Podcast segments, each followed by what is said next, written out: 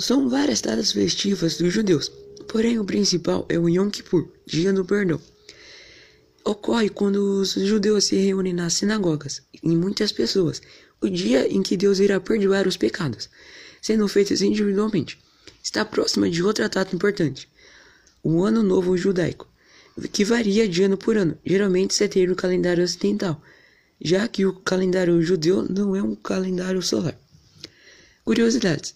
O maior pecado do judaísmo é a idolatria. O conhecimento místico do judaísmo é chamado de Kabbalah.